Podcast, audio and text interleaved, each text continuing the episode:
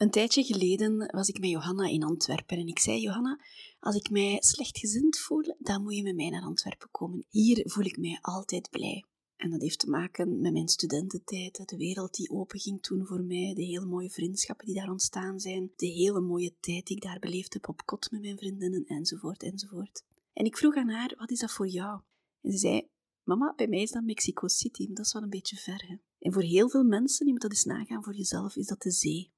Heel veel mensen voelen zich instant blij als ze aan zee zijn, omdat dat gelinkt is met heel fijne ervaringen van ontspanning en van geluk en van samen zijn in hun kindertijd. En elke keer als je aan zee bent, wordt dat gevoel terug opgeroepen. Ik ben nu net terug uit Mexico. Ik heb nog geen berichtjes beantwoord, geen mails beantwoord. Ik wil zelf eerst alle indrukken laten bezinken. Ik wil eerst zelf landen. De wasmachine draait intussen op volle toeren. De valies is bijna helemaal leeg.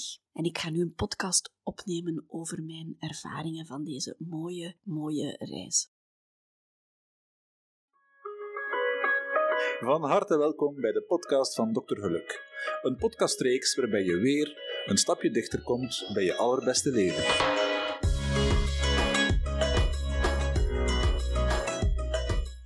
Terug uit Mexico dus met een heel voldaan, blij en gelukkig gevoel. En eerst en vooral wil ik natuurlijk mijn vriendin Muriel bedanken. Zonder haar was deze reis nooit zo mooi geweest. Muriel is reisgids en woont daar al twintig jaar, is verliefd op het land. Deze keer was ze niet mijn reisgids, was vier jaar geleden toen ik daar met Johanna rondtrok. Maar deze keer was ik er als haar vriendin en zij als de mijne. En natuurlijk is dat van onschatbare waarde dat je een land kan bezoeken met iemand die er al twintig jaar woont, die er alle ins en outs van kent, die daar heel veel contacten heeft, die heel veel voeling met dat land heeft en heel veel liefde voor dat land voelt. Dus Muriel, dank je wel. En aan iedereen die een reis plant naar Mexico, zou ik zeggen, neem contact met haar op. Ze heeft haar eigen reisbureau, Malinali Travel. Ik deel je hier mijn gedachten, mijn ervaringen en mijn tips voor mooie plekjes. Ik neem je mee op reis naar Mexico. Veel plezier. Mijn vertrek deze keer was eigenlijk niet lang op voorhand gepland. Door omstandigheden zou ik eerst niet alleen vertrekken, ben ik uiteindelijk toch alleen vertrokken.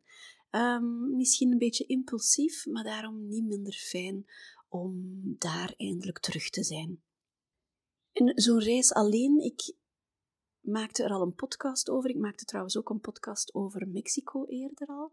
Ehm, maar als je alleen reist, ik heb dat al vaak gezegd, als je alleen reist, kom je elke keer weer nieuwe aspecten van jezelf tegen. Je wordt daar eigenlijk elke keer geconfronteerd met die spiegel. Wie ben je? Wat wil je? Waar erger je je aan?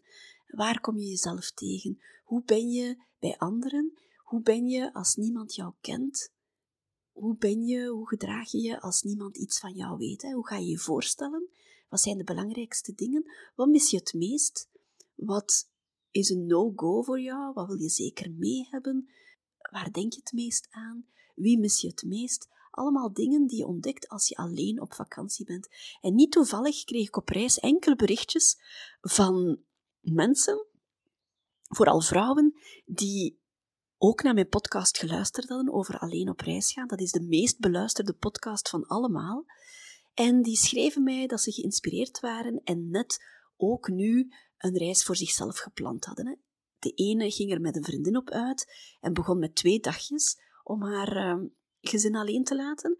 Een ander meisje, zonder gezin, ging voor de eerste keer alleen een paar dagen naar Amsterdam binnenkort. En een andere vriendin, die samenwoont met haar partner en die meestal met vriendinnen op reis gaat, die ging nu ook een grote reis voor zichzelf alleen plannen. Die zei, de avonturier in mij wordt wakker, zit te duwen, zit te trekken aan mij en ik ga die reis plannen.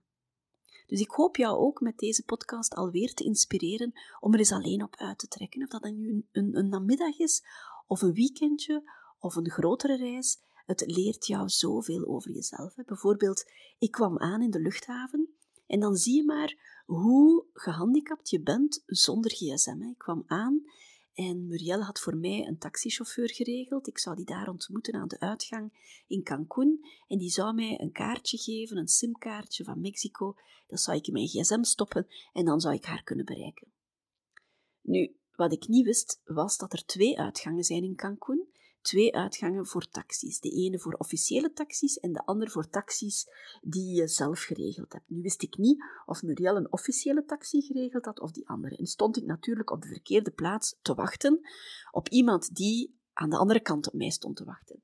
En daar sta je dan, s'avonds, moe, naar een vlucht van 13 uur, want we waren via Cuba gevlogen. En ik kon niemand bereiken. Ik had dat nieuw kaartje van Mexico nog niet en er was geen internet buiten. En toen kwamen er ehm, enkele jongens op mij afgestapt, heel eh, behulpzaam, met een officieel uh, hesje van de luchthaven. En die vroegen mij of ze mij konden helpen. En aanvankelijk ja, legde ik uit wat het probleem was. En ze zeiden van, heb nog wat geduld en misschien vindt hij jou wel. En naarmate de avond vorderde en naarmate ik moer en moer werd, kwamen zij meer en meer vragen uh, wat het probleem was. En zij boden mij aan om een officiële reservering te maken. Ik zou dan zoveel moeten betalen en dan zou ik op die andere plaats terecht kunnen waar alleen toegang verleend werd tot mensen met een officieel taxireservering. Toen kreeg ik het een beetje benauwd. Ik dacht, hier sta ik, helemaal overgeleverd. Niemand die weet waar ik ben. En die jongens die beginnen hier te fluisteren achter mijn rug en die beginnen over geld. Zie je wel, eh, hier begint de corruptie, ik ga opgelicht worden, straks word ik hier ontvoerd en mijn gedachten gingen met mij aan de haal. En ik was moe en ik was het overzicht kwijt en ik voelde me daar wat eenzaam en ik kon niet meer terugvallen op die broodnodige gsm. En dan komt die paranoia naar boven. Verschrikkelijk, hè? Verschrikkelijk, want die mensen die bedoelden het goed met mij. En op een gegeven moment is die officiële taxichauffeur mij toch komen zoeken. Ondertussen waren we al twee uur verder. Maar kijk, daar was hij. Hij gaf mij het simkaartje van Muriel dat hij mij beloofd had en hij bracht mij veilig naar mijn hotel. En ik schaamde mij zo. Ik had mij eigenlijk weer laten vangen. Hè. Ik was verstrikt geraakt in wantrouwen naar mensen die het niet verdiend hadden.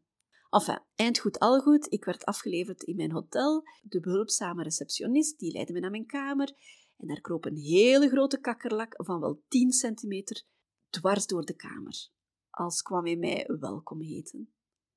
En ik was eigenlijk te moe om, om mij te ergeren. Ik was te moe om bang te zijn dat hij mij, mijn valies zou kruipen of dat hij over mij zou kruipen in mijn bed. Ik was gewoon stikkapot moe. En ik had wifi op die kamer, dus ik kijk nog eventjes na op mijn telefoon of er berichtjes zijn. En de meeste berichtjes waren van hè, veilig toegekomen, goede reis, doe dat goed daar. Maar er waren twee heel verontrustende berichtjes. Het ene was van een goede vriendin wiens moeder plots, plots, plots onverwachts gestorven was. Ze had haar vader al heel vroeg verloren. Zij zat midden in een zware scheiding. En nu heel, heel plots was die mama overleden. En ik zou er niet eens kunnen bij zijn op de begrafenis. En ik voelde mij zo ver weg. En het tweede berichtje was ook van een hele goede vriendin, wiens zoon een zwaar voetbaltrauma had opgelopen. Die lag in het ziekenhuis op intensieve met een hersenbloeding, met gekneusde ribben, met een, een klaplong, met geheugenverlies. Dus twee berichtjes van vriendinnen bij wie ik dichtbij wou zijn en waar ik zo ver vanaf zat en voor wie ik er niet kon zijn. Dus dat is de eerste confrontatie natuurlijk als je heel ver weg bent. Dat is de consequentie van ik kan er niet zijn op het moment dat ze mij nodig zullen hebben. En ik dacht aan al die mensen die in het buitenland wonen en die dat ook meemaken, en die dat meermaals meemaken. Hè? Zieke ouders of vrienden of, die je nodig hebben. En ik dacht ook aan mijn tante Nonneke, de zus van mijn grootmoeder, en die is als jonge kloosterzuster naar Congo vertrokken. En die heeft in het buitenland vernomen, met weken vertraging via de post, dat haar ouders overleden waren. Hoe verschrikkelijk moet dat geweest zijn dat je daar helemaal alleen zit, zonder je familie? Als ik denk aan de dagen uh, na het overlijden van mijn eigen vader, en nog niet zo heel lang geleden, dan was ik zo blij dat ik nabij was bij mijn familie, dat ik iedereen die ik graag zag, dicht bij mij had. En dat ik vooral mijn zus dicht bij mij had. Mijn zus, de enige die dezelfde band heeft met mijn vader als ik. De enige die ook dochter is van diezelfde vader. Enfin, ik ben dan gaan slapen de eerste nacht in mijn hotel in de Caraïben de eerste nacht in Cancun en de volgende dag zou ik doorvaren naar het eiland waar ik enkele dagen zou verblijven. De volgende dag ben ik met de ferry naar Isla Mujeres gevaren. En Isla Mujeres, of het Vrouweneiland, is een heel mooi eiland. Zo echt een eiland uit de reclame, met parelwitte stranden, met palmbomen die wuiven en met turquoise water. Isla Mujeres betekent eigenlijk vrouweneiland. En dat is met dank aan de Maya-geschiedenis, want er zijn daar heel veel beelden van vrouwelijke goden gevonden. Hè? Er is heel veel te doen rond ecologie daar. En natuurlijk, een van de meest magische ervaringen, en die heb ik ook gehad tijdens mijn verblijf daar, dat is de zonsondergang bij Punta Sur, dus het meest zuidelijke punt van het eiland. Daar kun je vanaf de kliffen genieten van een adembenemend uitzicht van die ondergaande zon over de Caribische Zee. Dat is gewoon fantastisch. En elke foto die je neemt, lijkt een foto uit de reisbrochure. Dat gevoel had ik trouwens heel vaak toen ik daar stond in die lauwe oceaan. Je kan daar tot, tot aan je middel stappen, heel ver in die oceaan. En dat water is zo aangenaam, zo warm, dat je daar ja, dag en nacht kan instaan zonder het koud te krijgen. En elke keer dacht ik, ik sta hier precies midden in een reclamebrochure. En natuurlijk heel aangenaam om daar je jetlag te verteren. Ik kon daar rusten, ik kon daar bekomen, ik kon wat lezen, ik kon wat schrijven. En dan wou ik ook nog zeggen, e-reader, ik was daar zo lang tegen en mijn dochter had mij dat al zo lang aangeraden en mij die voordelen allemaal uitgelegd. Maar ik wil liever een boek op papier. Ik wil die geur van dat papier, ik wil die bladzijden kunnen omslaan. Ik wil zien hoeveel ik nog moet lezen. Ik wil zien hoeveel ik al gelezen heb. Ik wil kunnen terugbladeren, ik wil kunnen aanduiden.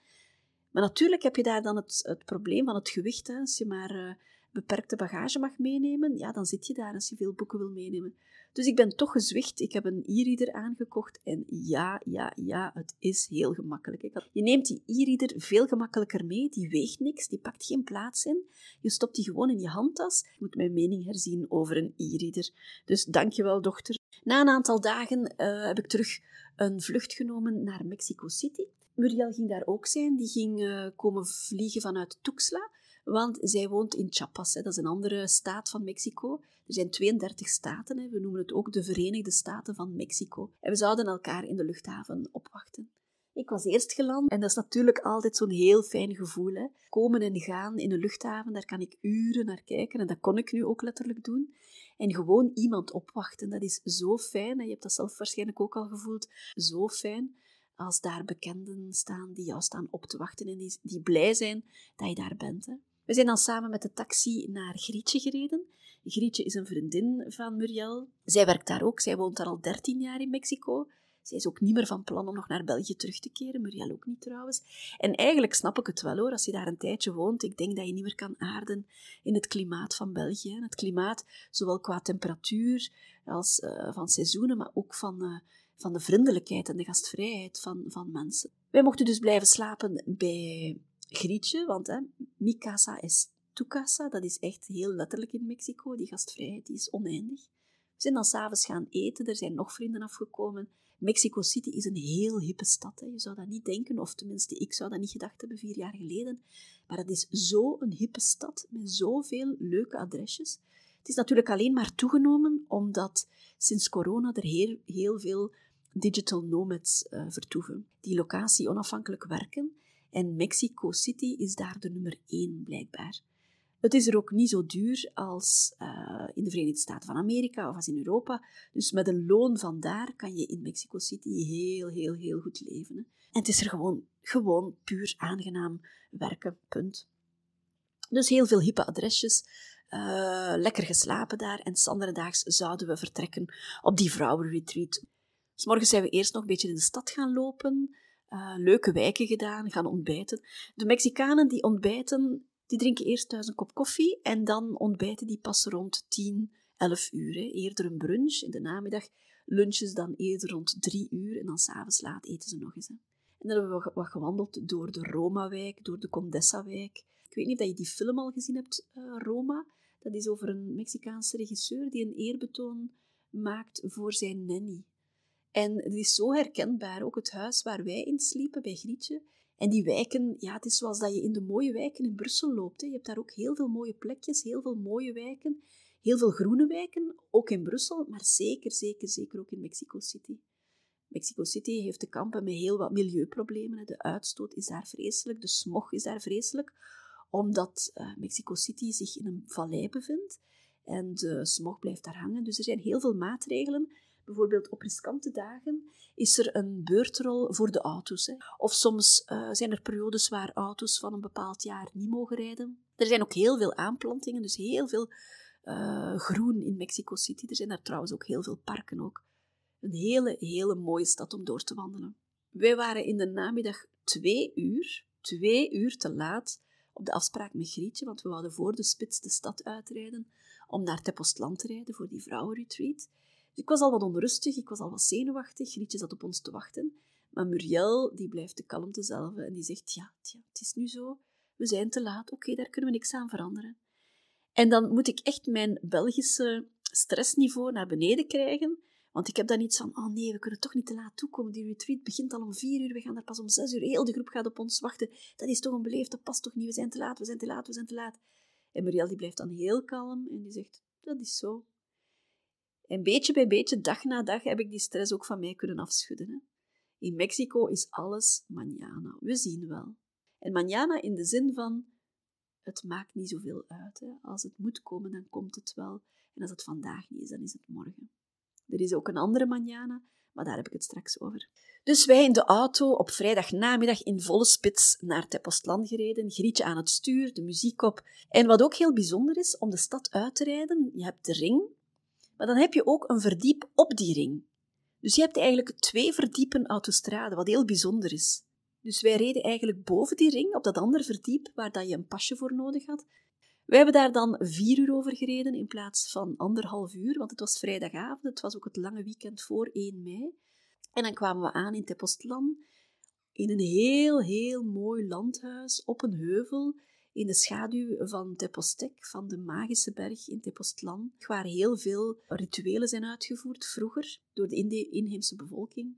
De andere vrouwen die waren er al, vrouwen uit alle delen van Mexico. Het was een rond huis, prachtige terrassen met buiten heel veel hoekjes en kantjes met hangmatten en omringd door een tuin vol cactussen. En helemaal onder in de tuin een, een, een tempel, een ronde tempel, waar de retreat doorging.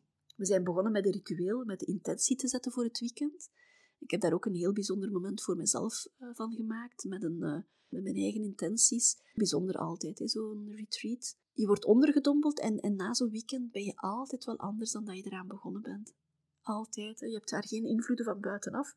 Je blijft in die sfeer, je blijft in die vrouwenenergie. En ik zag daar ook dat vrouwencirkels, want ik organiseer die zelf ook bij mij in de tuinkamer, dat dat niks anders is waar je ook bent, dat dat altijd hetzelfde is. Overal, overal. Diezelfde magie tussen vrouwen, diezelfde energie, diezelfde vrouwenenergie, steun, diezelfde warmte, datzelfde vertrouwen, overal, overal. Of je nu in Mexico zit of in de tuinkamer. We hebben daar drie dagen vegan gegeten. Super, super lekker. Maar ik heb sowieso drie weken niet bewerkt voedsel gegeten. Voortdurend, voortdurend vers, vers voedsel. Ongelooflijk wat dat met jou doet. Hè? Als ik hier boodschappen doe, dan verontrust het mij hoeveel er hier in plastic verpakt is. Maar daar heb ik dus gewoon drie weken onbewerkt voedsel gegeten. Fantastisch wat dat doet met je lichaam. Dat en de zon en vriendelijke gastvrije mensen. Dat doet toch iets met jou? Dat kan toch niet anders? Tijdens dat retreat was er ook elke morgen een bewegingsmoment. En, Concha die leerde ons dan ook Qigong-oefeningen, of Qi Qigong, Qi is levensenergie. Zo'n beetje, het lijkt wat op yoga, maar het zijn andere bewegingen. Om die levensenergie in jou aan te wakkeren en om krachtig je dag te, te beginnen. Hè. Dus ja, Tai Chi, Qi, Qigong, hoe je het maar noemt allemaal. Ik wil me daar ook wat meer in verdiepen, want die oefeningen, ja, je voelt dat dat werkt, hè, dat je anders aan je dag begint. Er liepen daar ook vijf honden op dat terrein. De honden heb ik trouwens heel vaak gezien, want Mexico is een land waar nog heel veel straathonden rondlopen. Hè. Vroeger zou ik daar bang van geweest zijn, maar uh, sinds ik zelf een hond heb, is die angst weg. En uh, hoe minder angstig ik ben, hoe meer die honden mij ook uh, gerust laten. Hè. We hebben dat retreat afgesloten op zondag terug met een ritueeltje. We hebben die zaadjes en die bloemen en die vruchten begraven. Die verbinding met de aarde is heel bijzonder. Hè? Ik raad je aan, als je stress hebt, ga gewoon eens rechtop staan en ga gewoon eens met je voeten heel hard in de grond duwen. Hè? En voel de tenen op de grond, voel de bal van je voet, voel je hiel, voel je zijkanten en ga die heel hard in de grond drukken en voel dat contact met die aarde. Wees je daar heel erg van bewust van hoe je voeten drukken op de vloer, op de aarde. En nog beter als je natuurlijk buiten in het gras gaat staan en echt contact hebt met de aarde, met moeder aarde. Het lijkt nu heel zweverig wat ik zeg. En het is juist net niet zweverig. Het is juist heel gegrond zijn en heel geaard zijn. Hè? Zweverig, dat is in je hoofd zitten. Dat is veel te veel mentaal zijn. Dat is zweverig zijn. Mensen hebben daar altijd een verkeerd beeld van. En ik heb al hier en daar gehoord dat, dat men mij soms zweverig vindt als ik zoiets uh, vertel over meditatie of over je gedachten sturen of over rituelen of over vrouwencirkels. Maar het is juist dan dat je heel gegrond bent. En hoe meer dat jij geaard bent, hoe meer dat jij in je lichaam komt, hoe beter dat jij het leven aan kan. Hoe veerkrachtiger je bent, hoe meer dat je zelf graag gaat zien, hoe meer dat je um, kan gaan relativeren, hoe sterker dat je staat, hoe liever dat je jezelf gaat kunnen zien en hoe meer dat je er kan zijn voor de anderen ook. Niet als je mentaal in je hoofd zit, niet als je loopt te piekeren, niet als je moet vluchten in Zalando of in Shine of Shein, of hoe spreek het uit, of in Netflix of in alcohol of in drugs of in veel eten. Nee, maar juist als je gegrond bent, dan zit je in je lichaam. Juist dan ben je één met wie je bent, met wie je wil zijn. Dus na dat retreat in Tepostlan zijn we doorgereden naar een ander hotel in Tepostlan, een andere kant.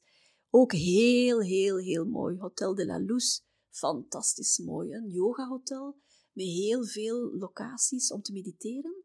Maar de locatie was zo mogelijk nog prachtiger dan het huis waar we voordien verbleven. Met de prachtige zonsondergang waar de bergwanden oranje kleurden. Fantastisch mooi. En op een ochtend zijn Muriel en ik dan met een gids een wandeling gaan maken in het natuurreservaat van Tepostlan.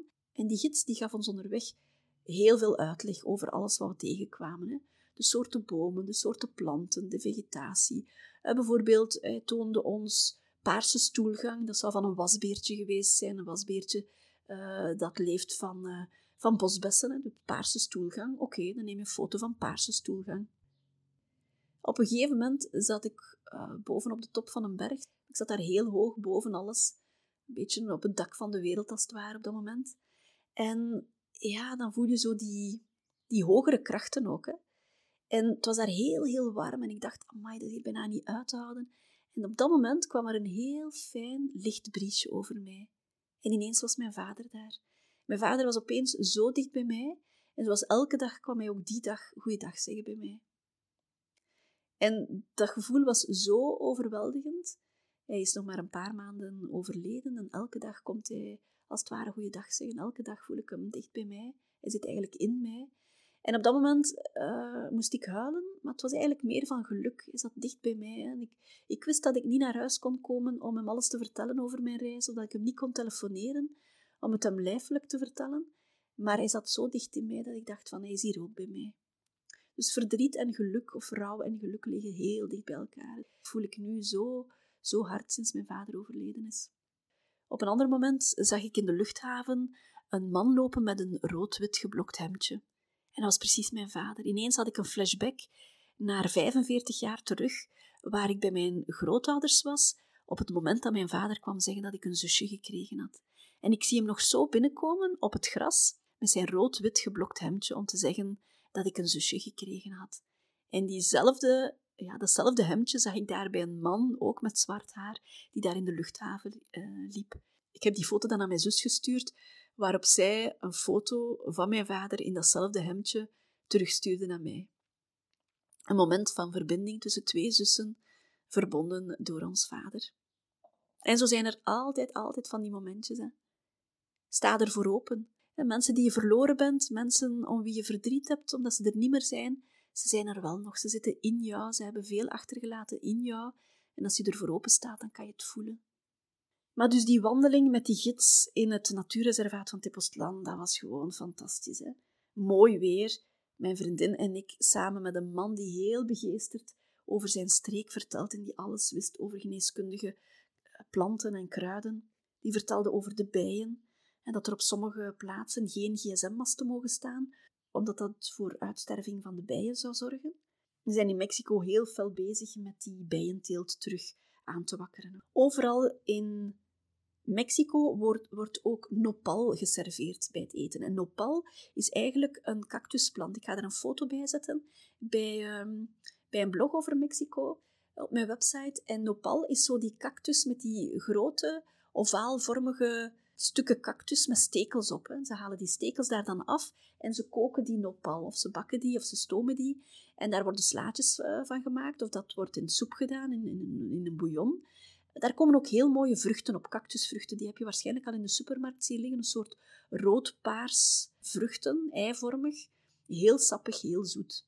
En van agave, een andere soort plant, agave, daar wordt de mescal van gemaakt. Hè. Mescal is een beetje het natuurlijkere product dan tequila. Tequila is meer bewerkt. Mescal is al eeuwen oud. Hij werd door de inheemse bevolking gemaakt. Dat zijn um, die agavebladeren die gerookt worden eerst, die in de grond gestopt worden, waar stenen rondgelegd worden, die, waar een vuurtje gemaakt wordt. Agavebladeren worden gerookt eigenlijk. En nadien werden die door ezels platgestampt om het sap eruit te halen. Dat sap ging dan gisten en daar wordt dan mescal van gemaakt. Mescal is veel natuurlijker en gezonder dan tequila. Tequila is ook uit de agaveplant gemaakt, maar is veel meer bewerkt. En veel meer bekend eigenlijk. Ik drink geen alcohol, um, ik lust dat ook niet. Uh, dus ik lust ook geen mescal en ik lust ook geen tequila. Ik heb ooit in mijn studententijd één keer tequila gedronken. Ik had toen een blackout. Uh, nee, voor mij geen alcohol. Maar blijkbaar is het wel lekker. In het bos zaten ook slangen. Er zaten ook gordeldieren. Aan de rand van het bos er stonden roze en witte en rode lelies. Er stond heel veel agapantia, ook heel veel wilde rozen. De flora in Mexico is gewoon fantastisch. Heel veel groen. Ik hou van groen, ik hou van planten. En Mexico is een heel, heel, heel groen land. Ik hou ook van kleuren, dus voor mij... een paar vriendinnen schreven dan aan mij van natuurlijk, als ik jouw foto's zie, dan past dat land echt bij jou. Ik vond dat zo'n mooi compliment. Het land past echt bij jou. Mexico past bij jou. De kleuren, het groen. Ik was daar heel blij mee, want dat klopte ook zo. Ik voelde dat ook zo aan. Na Tepoztlan zijn we doorgereisd naar Cuernavaca. Cuernavaca is een, een stadje dat ook het stadje van de eeuwige lente genoemd wordt. Hè. Altijd 25 graden, altijd een mooi klimaat, nooit te warm, nooit te koud. En is eigenlijk een plaats waar heel veel rijke Mexicanen hun buitenverblijf hebben. Dus daar is eigenlijk niet zoveel te zien, omdat al die grote uh, huizen, al die grote domeinen eigenlijk, die zitten verstopt achter hoge muren met hoge bewaking. En Muriel wilde daar per se naar het uh, paleis van Hernan Cortés. Cortés de killer die geen mooie dingen gedaan heeft voor de inheemse bevolking, de, de bezetter, de invaller. Diego Rivera, de man van Frida Kahlo, die heeft daar een, uh, een zwembad met mozaïek versierd. Dus allemaal wel bijzonder. We hadden voordien nog in het centrum van Tepoztlan hadden we nog wat uh, rondgewandeld, heel veel muurschilderingen gezien. Overal in Mexico zie je muurschilderingen. Hè. Elke muur wordt daar beschilderd, maar niet met graffiti, maar met hele mooie tekeningen. Dat is eigenlijk een kunst op zich. De muralisten, ja, dat is een, een, een, een kunstvorm op zich waar Muriel heel veel van weet. Diego Rivera was daar de bekendste van, de echtgenoot van uh, Frida Kahlo. Daar werd ook heel veel over politiek geschilderd, bijvoorbeeld. Dat waren schilderijen met, met boodschappen of met, uh, met geschiedenis in verwerkt. Maar dus heel veel muurschilderingen, heel veel mooie kunst op de muren. Ook in het eh, centrum van Tepostlan. We zagen daar de kinderen uit school komen, allemaal in uniform. We hebben daar een massage genomen, simultaan, Muriel en ik. En we zijn daar gaan eten. Er zijn heel veel overdekte markten in Mexico. Maar als je het zou zien hier in België, zou je denken: no way dat ik daar ga eten. Hè. Op plastieke bordjes die daar ter plaatse afgewassen worden in een bak water. Een vrouwtje die daar stond op twee vierkante meter, Rosa. En we raakten aan de praat met haar en ik vroeg haar hoeveel ze werkte. Zij werkt zeven dagen op zeven en ze werkt van acht uur s morgens tot zeven uur s avonds. Elke dag, elke dag, elke dag.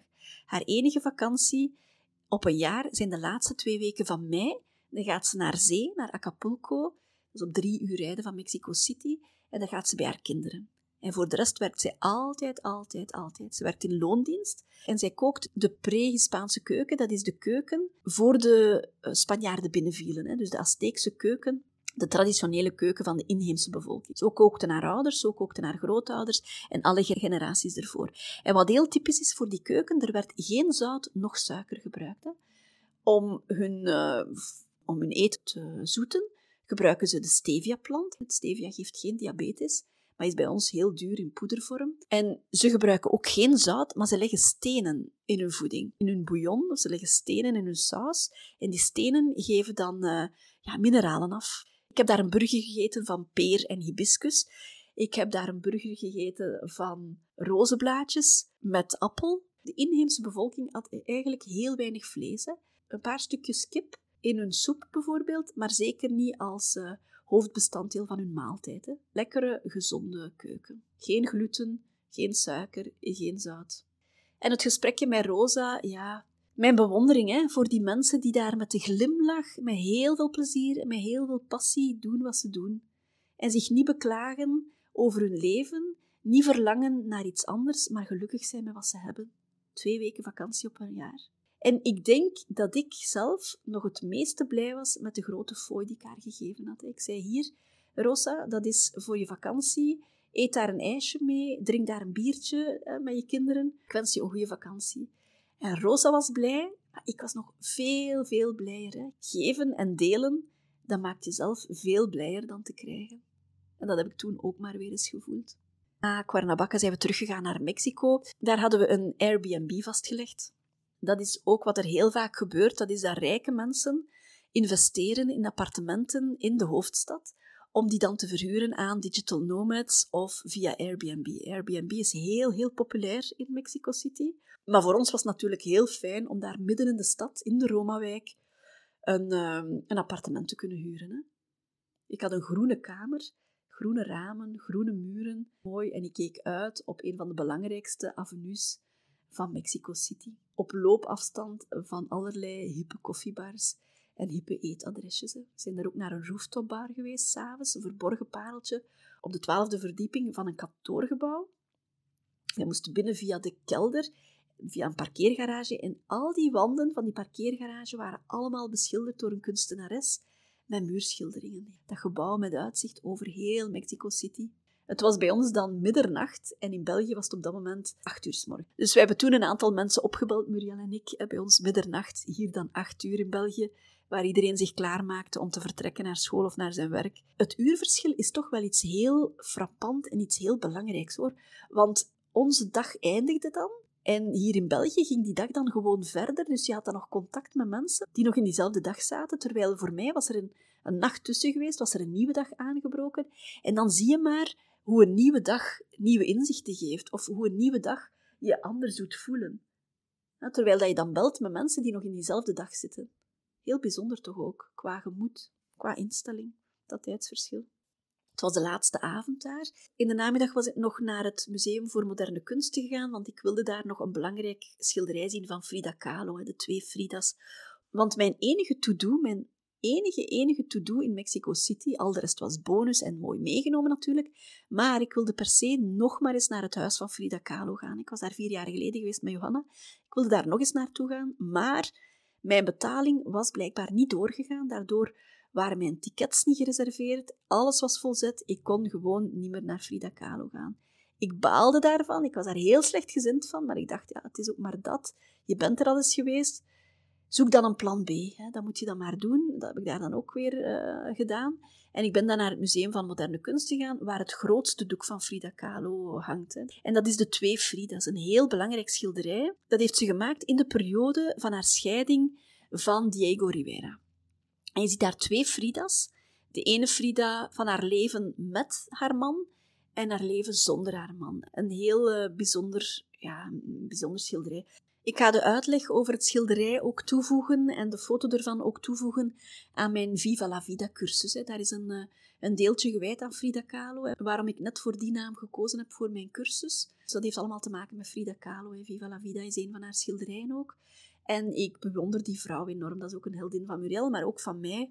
Ik ga daar wat uitleg bij zetten. Dus als je die cursus nog niet gevolgd hebt, ik raad jou die zeker aan. Je vindt daar alle informatie over op mijn website. Ik ga daar ook de foto van de dubbele Frida, van de twee Frida's opzetten, met ook de uitleg erbij. Frida Kahlo is een bijzondere vrouw in, in alle opzichten. Een soort rolmodel, omdat zij leefde vanuit mogelijkheden in plaats van uit beperkingen. Ik vind dat een fantastische, fantastische eigenschap ja, zij toont ons heel veel uh, veerkracht, hè? individualisme, zelfexpressie. Heel inspirerend is zij, ook voor ons, hè, om een unieke stem te, te vinden. Haar, haar vrouwelijke kracht, haar seksualiteit, haar moederschap of het ontbreken van de moederschap. Allemaal thema's die mij ook erg raken, hè, die mij ook heel erg inspireren. Maar meer daarover in mijn cursus Viva la Vida. Die cursus is trouwens niet alleen over Frida Kahlo, maar die gaat vooral over hoe je een betere versie van jezelf kan worden. Hè? Hoe je op een gemakkelijkere, eenvoudigere manier meer geluk kan ervaren in je leven. Mexico City dan. Uh, we zijn teruggevlogen. Muriel is teruggevlogen naar San Cristobal de las Casas.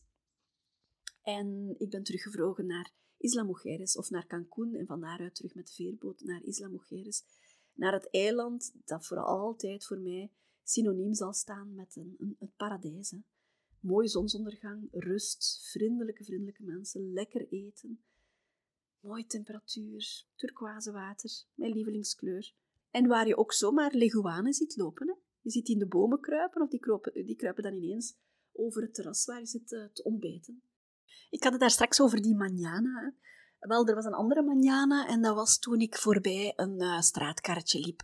Ja, er zijn daar heel veel foodtruckjes, primitieve karretjes waar mensen eten verkopen of waar ze op dat moment eten aan het maken zijn. Hè. Tacos bijvoorbeeld, burritos. Maar nu was dat een karretje vol kokosnoten. Hè. Die man kapte die kokosnoten open en dan uh, ja, kon je daarvan drinken. En hij riep mij na, mevrouw, een kokosnoot. Ik zei, nee, morgen. Ik was op weg naar de geldautomaat. En hij riep mij na, mevrouw, morgen is te laat. En die zin zinderde nog na in mijn hoofd en ik dacht, ja, hij heeft gelijk, want morgen staat hij er misschien niet meer. Of morgen kom ik misschien hier niet meer langs. En dan heb ik geen kans gehad om een verse kokosnoot op te drinken. En zo is dat eigenlijk met alles in het leven. Hè. Je moet die momenten meepikken. Als er zich iets aandient dat leuk is, dat nieuw is, dat leerrijk is, dat boeiend is, pak die momenten en wacht niet tot later. Hè. Hoeveel mensen wachten niet om te reizen tot na hun pensioen? Terwijl ze dat nu al kunnen doen. Hè. Je weet niet of je later nog goede heupen hebt om rond te kunnen wandelen, om nog op een vliegtuig te geraken, om je bagage nog te kunnen dragen. Je weet niet of die job uh, later nog voor jou vrijgehouden wordt, als die job nu al op jou roept. Er zijn heel veel dingen die je eigenlijk best niet uitstelt en die je best al meepikt nu. Niet uitstellen. Hè. Dat bezoekje aan je moeder of aan je vader, misschien zijn ze er niet meer volgend jaar die ene kus die je zo graag wil geven, dat ene compliment dat je zo graag had willen uitspreken. Praten over je gevoelens, die ene brief, die ene mail, die kans grijpen. Wacht niet tot morgen, hè. doe het nu. Een ander momentje was morgens toen, uh, toen ik naar het strand ging. Toen ik eerst ging ontbijten, ik wou nog iets gaan vragen aan de receptie. En de tuinman die was al uh, ijverig bezig met alle planten uh, nat te spuiten. Een oudere man, iedereen heeft daar een jobje. Hè. Iedereen, al is het maar het trottoir schoonvegen, al is het maar het strand, papiertjes van het strand rapen, het is daar heel, heel proper, want iedereen heeft er werk. En die mensen verdienen niet veel, hè. De taxichauffeur bijvoorbeeld, ik vroeg hem naar zijn loon en die zei, op een goede dag heb ik 25 dollar. Maar, zegt hij, met corona had ik niks en dan kregen we voedselpakketten van de regering, want we zouden niet overleven. Hè. En bij sommige maatschappijen, zegt hij, zou ik maar 3 dollar per dag verdienen. Een huur bijvoorbeeld van een huisje kost 200 dollar per maand. Dus alle prijzen liggen daar wel lager, maar ze verdienen ook veel minder. Dus met het loon van hier kan je daar een heel rijkelijk leven hebben. Dus die tuinman die ziet mij staan aan de receptie en die lacht. En zoals iedereen daar zegt hij vriendelijk goeiedag, lacht hij en zegt hij goedemorgen. En dan lacht hij en zegt paciencia. En hij lacht en hij stapt rustig door. En ik denk, ja, zo leven ze hier, hè. Manjana, geduld, en alles, alles met de glimlach. Hè. En voor ons Westerlingen is dat soms een beetje uh, verwarrend, hè? want wij denken altijd, ze willen ons iets verkopen, of ze zijn vriendelijk omdat ze een fooi willen, maar die mensen zijn gewoon vriendelijk. En het fooiensysteem is nu eenmaal ja, deel van hun cultuur. Hè. Bij alles betaal je fooien. Bij het eten wordt er altijd apart nog fooi betaald. Het kamermeisje krijgt een fooi, de taxichauffeur krijgt een fooi, de kruier krijgt een fooi. Maar dat is gewoon hun systeem. Hè. Die lonen zijn daar zo laag, die rekenen echt op dat fooiensysteem. En dan denk je, ze zijn vriendelijk, of dan denk ik tenminste. En dan verfoei ik mezelf, dan denk ik, ja, ze zijn vriendelijk omdat ze grote fooi willen. Maar die mensen zijn gewoon altijd vriendelijk. En zelfs als ze geen fooi krijgen, dan eh, gaan ze er wel van uit van die fooi komt dan wel van iemand anders. Dus er is daar niet veel berekend. En heel veilig. Ik heb daar op geen enkel moment een onveilig gevoel gehad. De eerste dag was ik mijn tasje al kwijt, met mijn, uh, met mijn paspoort in, met mijn telefoon in. En uh, ja, ook weer schaamtelijk van mezelf, maar ik, liep, ik riep tegen de mensen die naast mij op het uh, strandbedje lagen, riep ik van, ze hebben mij bestolen, mijn tasje is weg. Terwijl ik had gewoon mijn tasjes morgens bij de ontbijttafel laten hangen aan mijn stoel.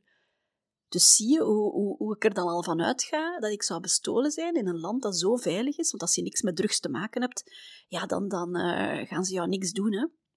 Wat wel een feit is, is dat er heel veel meer feminicide is, dus heel veel meer geweld op vrouwen ik heb daar zelf natuurlijk niks mee te maken gehad, maar eh, veel meer uh, huishoudelijk geweld, bijvoorbeeld intrafamiliaal geweld. Dus ik heb dan nog een paar laatste dagen aan zee doorgebracht, voor ik terug uh, vloog naar België. een paar laatste mooie zonsondergangen, een keer volle maan, waar ik rustig kon naar kijken van op het zuiderpunt van het eiland. Dat natuurgeweld hè, van die botsende golven tegen de kliffen en dan die volle maan en dan die sterren die daar helemaal anders staan als aan onze sterrenhemel. En dan die stilte en alleen de geluiden van, van krekels of van vogels. Leguanen die daar dan rondkruipen, heel bijzonder allemaal. Echt een land naar mijn hart. En Muriel die zei me eens, ik heb ooit eens een gedicht geschreven voor Mexico, een liefdesgedicht. En ik dacht toen, maar kom aan zeg, een gedicht voor je land, dat zouden wij toch nooit doen? Een gedicht voor België? Of mijn Belgische vlag overal omhoog hangen, te pas en te onpas zou ik toch ook niet doen. Maar daar zie je heel veel Mexicaanse vlaggen. En heel veel mensen die fier zijn op hun land. Hè. Heel veel mensen met wie ik in contact kwam, die vroegen, wat vind je van ons land? En dan zei ik elke keer, het is de max. Ik kom zo graag terug, want ik ga juli terug met mijn dochter. Ik zei, jullie hebben hier alles. Jullie hebben natuur, jullie hebben cultuur, jullie hebben lekker eten, jullie hebben de vriendelijkheid, de gastvrijheid. Jullie hebben hier bergen, jullie hebben hier zee, jullie hebben natuur, jullie hebben groen, fruit, alles, alles, alles. En dan zijn die mensen zo fier. Echt zo fier. Voilà, en dan zat mijn reis erop en dan had ik weer die lange terugvlucht naar huis, die ik niet erg vind. Hè, want je krijgt daar een dekentje, je krijgt daar uh, twee maaltijden, je krijgt daar een kussentje. Ik heb mijn gsm eh, om mijn foto's te bekijken, ik heb mijn computer, ik heb mijn e-reader. Wat een luxe, wat een luxe. Ah ja, dat wou ik ook nog zeggen. Ik uh, stuurde een foto van mezelf uh, naar huis, naar het, uh, het, huisfront. En ik kreeg als reactie, ah nee, heb je weer jezelfde blauwe kleedje aan? En inderdaad, dat kleedje gaat al enkele zomers mee. Ik heb het eens gaan opzoeken. In 2017 had ik het ook al aan. En dan denk ik, ja, mijnzelfde kleedje, maar ik loop hier zo gelukkig rond in datzelfde kleedje. Want ik geef liever mijn geld aan reizen dan aan nieuwe dure kleren. En ja, dat is wie ik ben. En kijk dat eens voor jezelf na, want soms krijg ik reacties van, ja, jij kan dat, jij kan dat.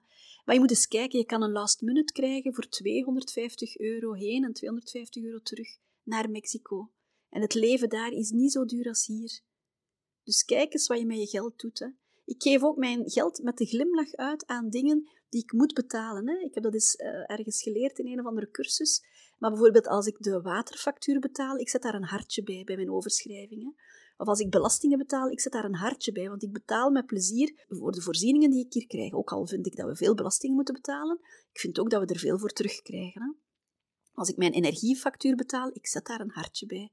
Als ik mijn boodschappen betaal in de, in de supermarkt, dan denk ik bij mezelf, ik kan tenminste boodschappen kopen. Hè? En het is allemaal hoe dat je met geld omgaat hè, en waar je je geld aan geeft. Hè? Ik bestel nooit kledij online bijvoorbeeld. Ik, ik koop geen nieuwe kledij. Maar ik geef graag mijn geld uit aan reizen of aan ervaringen, aan, mooie dingen. Of nu bijvoorbeeld ga ik nieuwe tulpjes kopen om op mijn tafel te zetten. Want ik vind dat fijn, uh, bloemen in huis. Ik vind het ook fijn om planten buiten te hebben, planten binnen te hebben. Dat maakt mij blij en daarom maakt Mexico mij ook zo blij. Dus ja, heel veel nieuwe inzichten terug na mijn mooie reis in Mexico. En een van de belangrijkste inzichten is natuurlijk dat omgeving maakt wie jij bent en hoe jij je voelt. Hè. Als je in een drukke stad bent, waar alles heel druk en gehaast aanvoelt, dan voel je jezelf ook gehaast. Als je op een rustig plekje zit, met alleen de stilte van de natuur, dan word je zelf ook rustig. Als je omringt met blije mensen, dan word je zelf ook blij. Gastvrijheid en, en blijheid en dankbaarheid, dat is zo belangrijk. Hè? Ik was op een gegeven moment in een barretje een sapje aan drinken. En de sapjes zijn daar heel goedkoop. Voor anderhalve euro heb je daar een vers sapje met mango en ananas bijvoorbeeld. En um, die ober zei, vind je het lekker? Ik zeg, ja, heel lekker. Ah, dat doet mij plezier, zegt hij. Dat maakt mij blij. Hè? Dus ik zeg, ja, maar je bent volgens mij wel altijd blij. En die antwoordt zo, mevrouw, zegt hij. Ik heb twee voeten die op de grond staan. Ik heb ogen en oren. Ik kan zien, ik kan horen. Ik heb geld in mijn zak, zegt hij. Ik heb mensen die ik graag zie. Waarom zou ik niet gelukkig zijn? Waarom zou ik niet dankbaar zijn? Ik dacht, tuurlijk, tuurlijk, jij bent mijn man. jij bent, jij bent mijn man. Ik bedoel, hè, uh, figuurlijk van, dat is ook hoe ik in het leven sta. Dat is ook hoe ik denk. Hè. Maar zo denken ze daar allemaal bijna. Ja, wonderlijk. Wat ook belangrijk is hè, op reis, of wat ook een belangrijk inzicht is, is als je afstand neemt, dan krijg je een klare kijk op de dingen. Hè. Letterlijk afstand nemen van de dingen. Letterlijk weggaan van waar je middenin zit en je krijgt een klare kijk.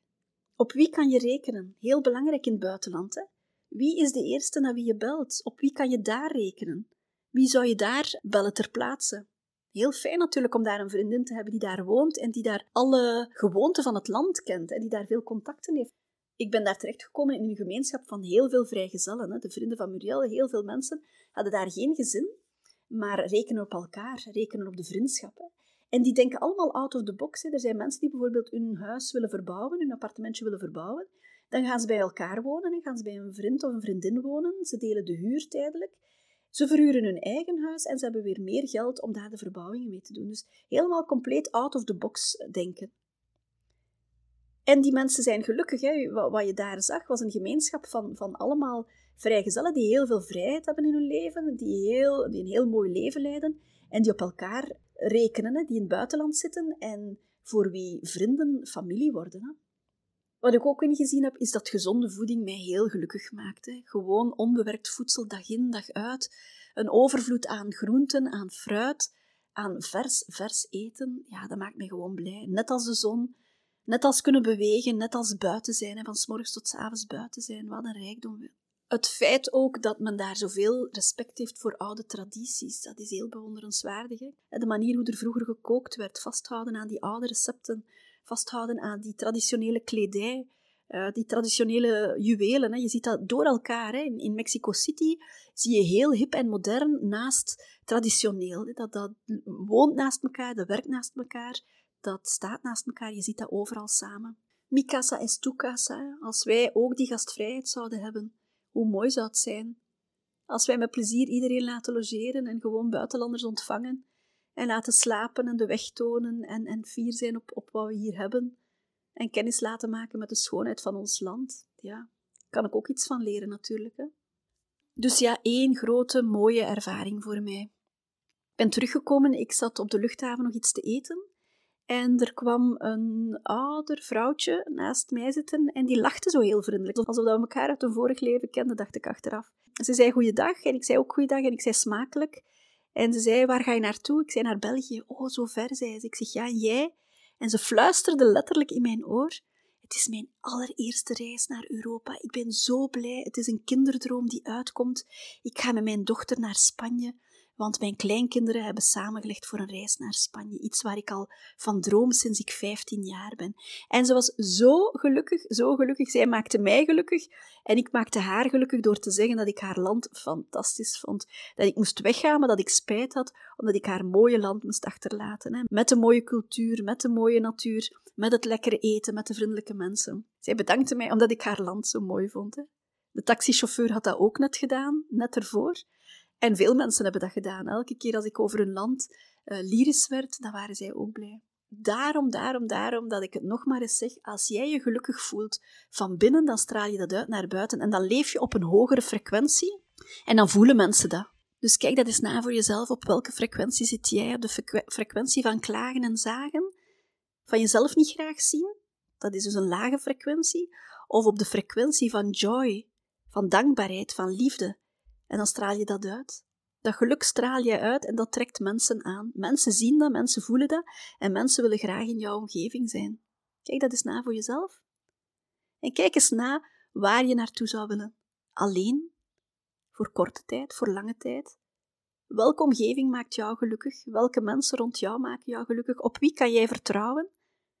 Hoe belangrijk zijn tradities voor jou? Hoe belangrijk is geld voor jou? Hoe belangrijk is natuur voor jou? Hoe belangrijk is voeding voor jou?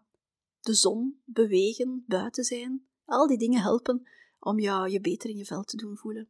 Voilà, ik ga deze podcast nog uh, online zwieren. Ik ga nog verder uitpakken, nog verder uh, wasmachines vullen. En dan hoop ik dat je genoten hebt van deze podcast over Mexico. Je vindt mij terug op www.doktergeluk.com. Ik heb een Instagram-pagina onder Dokter Geluk, ook een Facebook-pagina onder eh, Dokter Geluk. En elke week ben ik er met een nieuwe podcast-aflevering. Laat mij weten wat je ervan vindt. Geef mij tips voor nieuwe afleveringen. En abonneer je als je geen enkele aflevering wil missen. Weet dat jij aan het stuur staat van jouw leven. Dat jij de kapitein bent van jouw leven. Jij weet je waarden en je normen. Jij kan kiezen wat jou gelukkig maakt. Hou je goed en tot de volgende keer.